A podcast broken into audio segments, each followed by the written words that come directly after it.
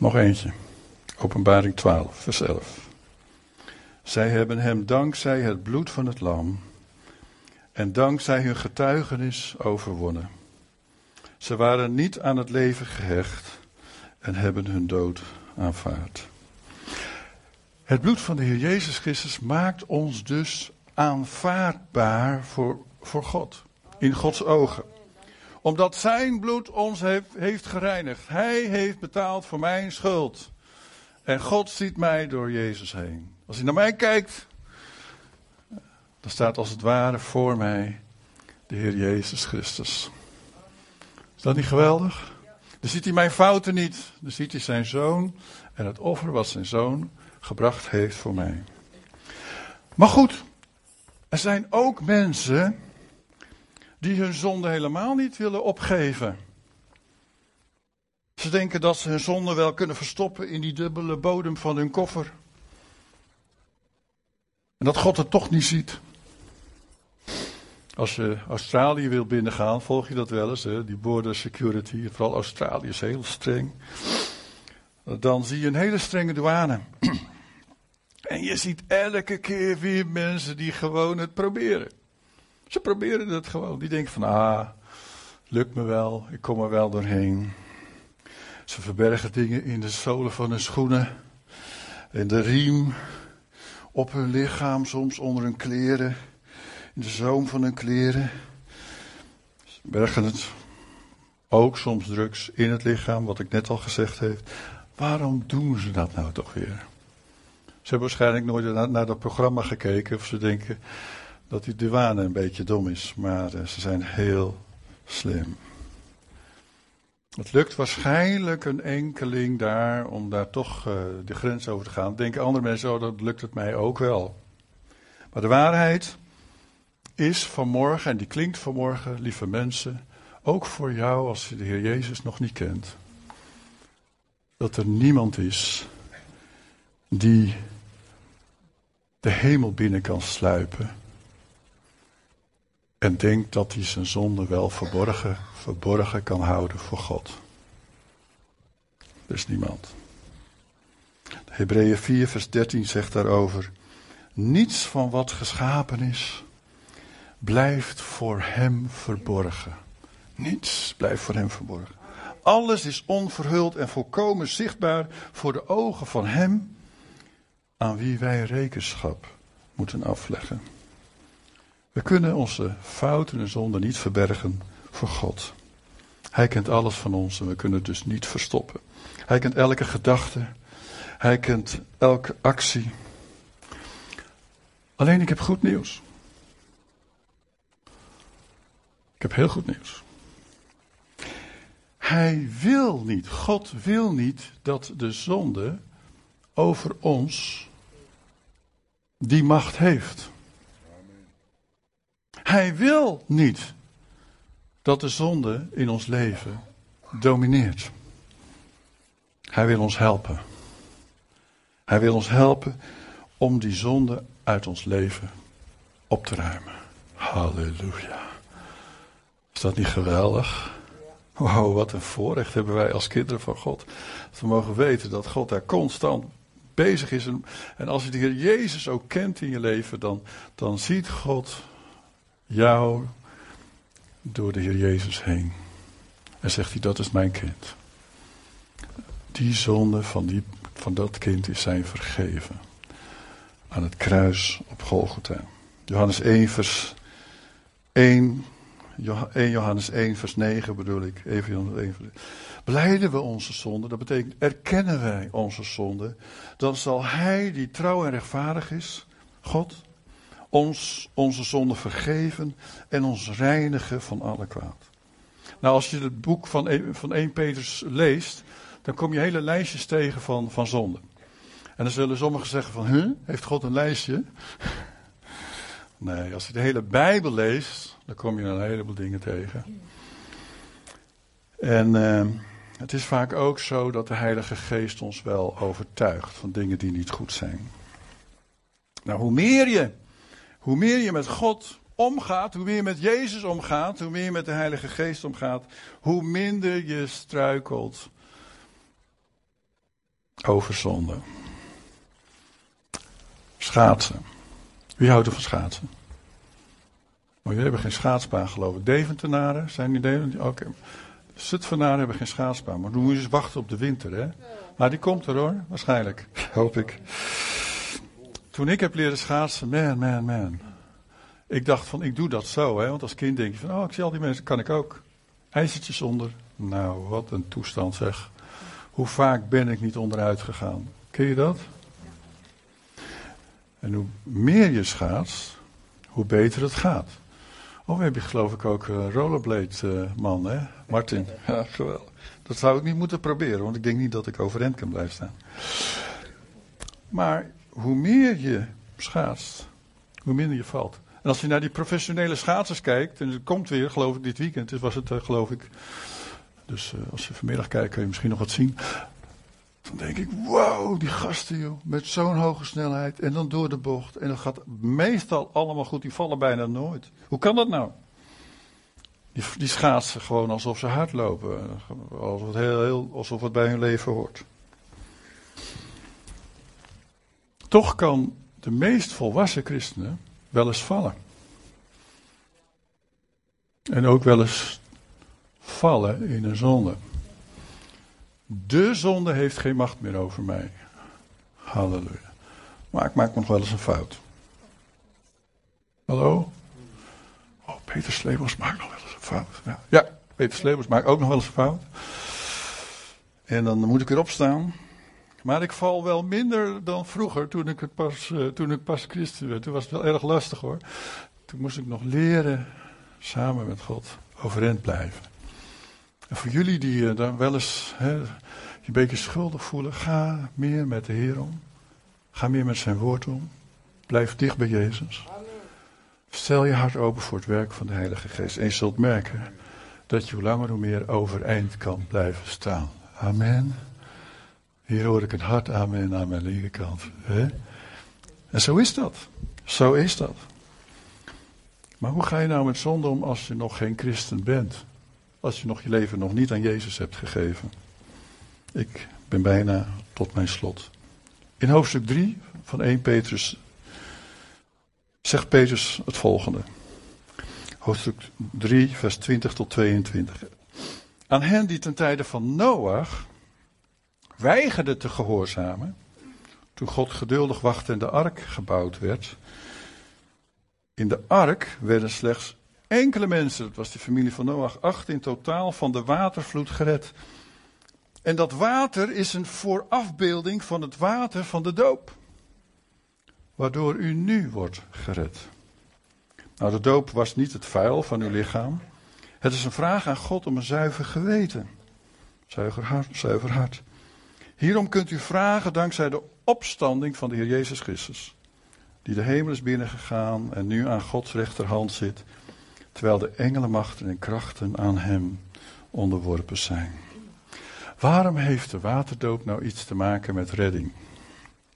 Nou, Petrus legt dat hier een klein beetje uit. Water is een scheidslijn. Voor degene die die preek nog herinnert over de vier bekers, kan je dat nog herinneren, Exodus? Dan heb ik gezegd, die eerste beker is eigenlijk redding. Dat was de viering van de Pesach. De Pesachviering. toen het volk uit Egypte weg wordt.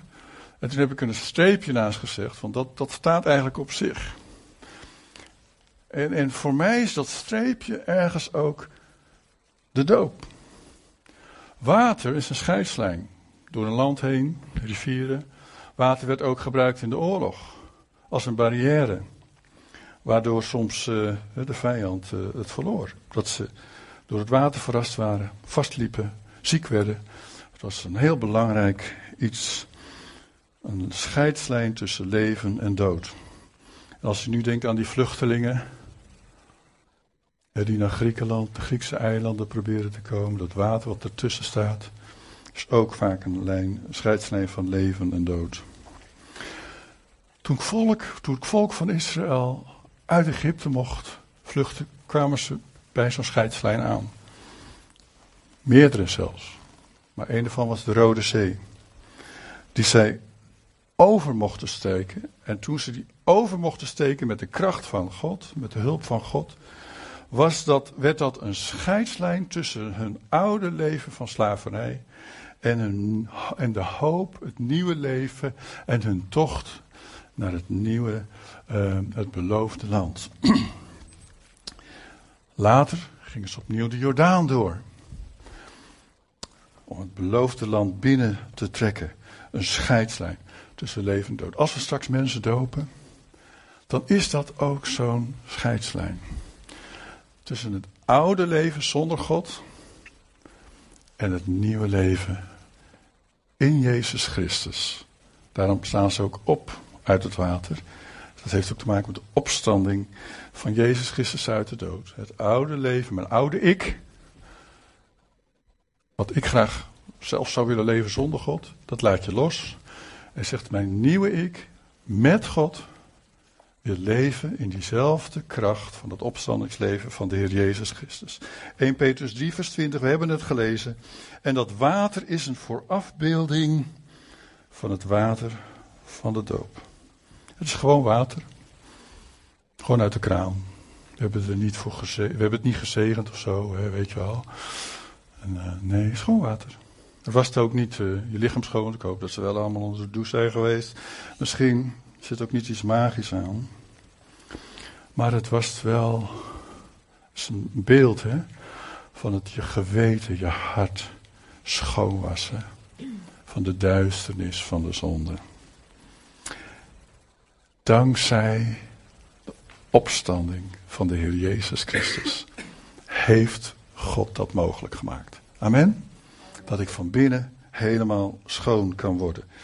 Met andere woorden, de doop redt ons vanwege de opstanding van ons Heer Jezus Christus. En we begraven ons oude leven. Als je vanmorgen hier bent, je hebt je leven nog nooit aan God gegeven. Nog nooit aan Jezus gegeven. Je denkt van, hoe zou mijn levenspaspoort wel geldig zijn als ik straks voor die hemelpoort sta? Dan willen we je graag helpen om een geldig paspoort te krijgen voor de hemel.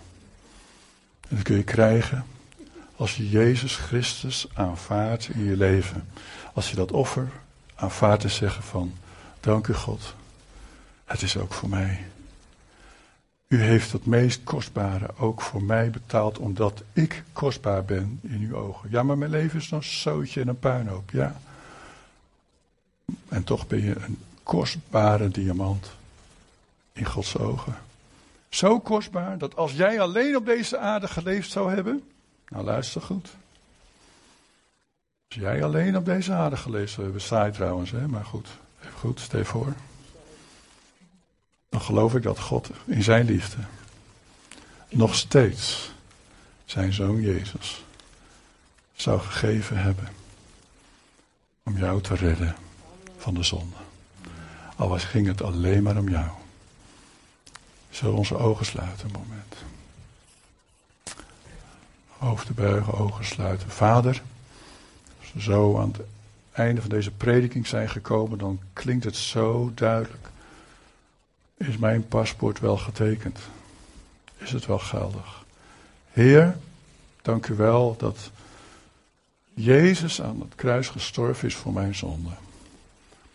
En dat ik dat mag aanvaarden.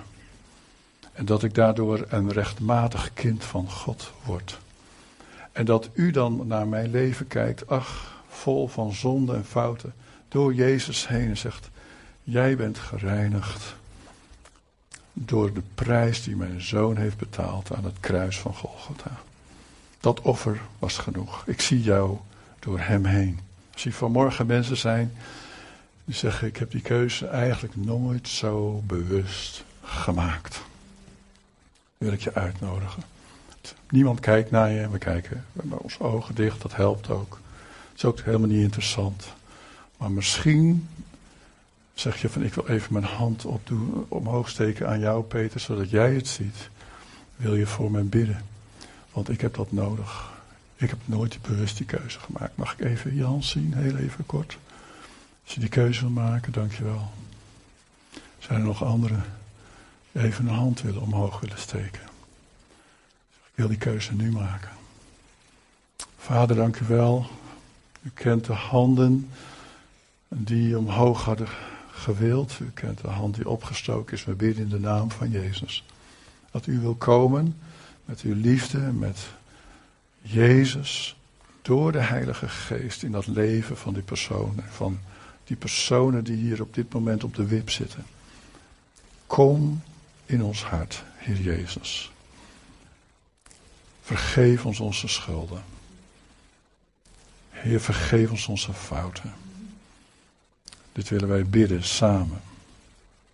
Zullen we het samen bidden, hardop, Vader? Zullen we het samen hardop zeggen? Spreek met me na. Vader, in de naam van Jezus kom ik tot u. En ik vraag u om vergeving voor mijn fouten. Vergeef mijn zonde, Heer. En maak mij een kind van u. Dank u, Heer Jezus, dat u de schuld van de zonde voor mij betaald heeft aan het kruis op Golgotha. In Jezus' naam. Amen. Amen. We gaan nu over tot de doop. En we gaan de dopelingen naar voren halen. En Sari komt naar voren.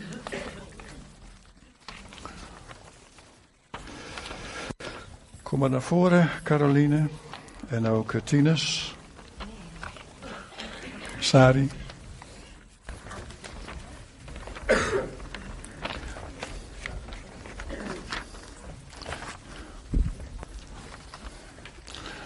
We gaan luisteren naar jullie getuigenis. En Sari gaat daarna ook uh, jullie de tekst, dooptekst meegeven. Mogen we bij jou beginnen, Tinus? Of bij jou? Maakt niet uit. Ja? ja.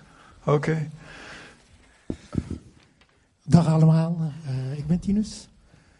het is tien jaar geleden dat ik bekeerd ben tot de Heer Jezus. Tien jaar geleden verloor ik mijn moeder. God die nam mijn moeder mee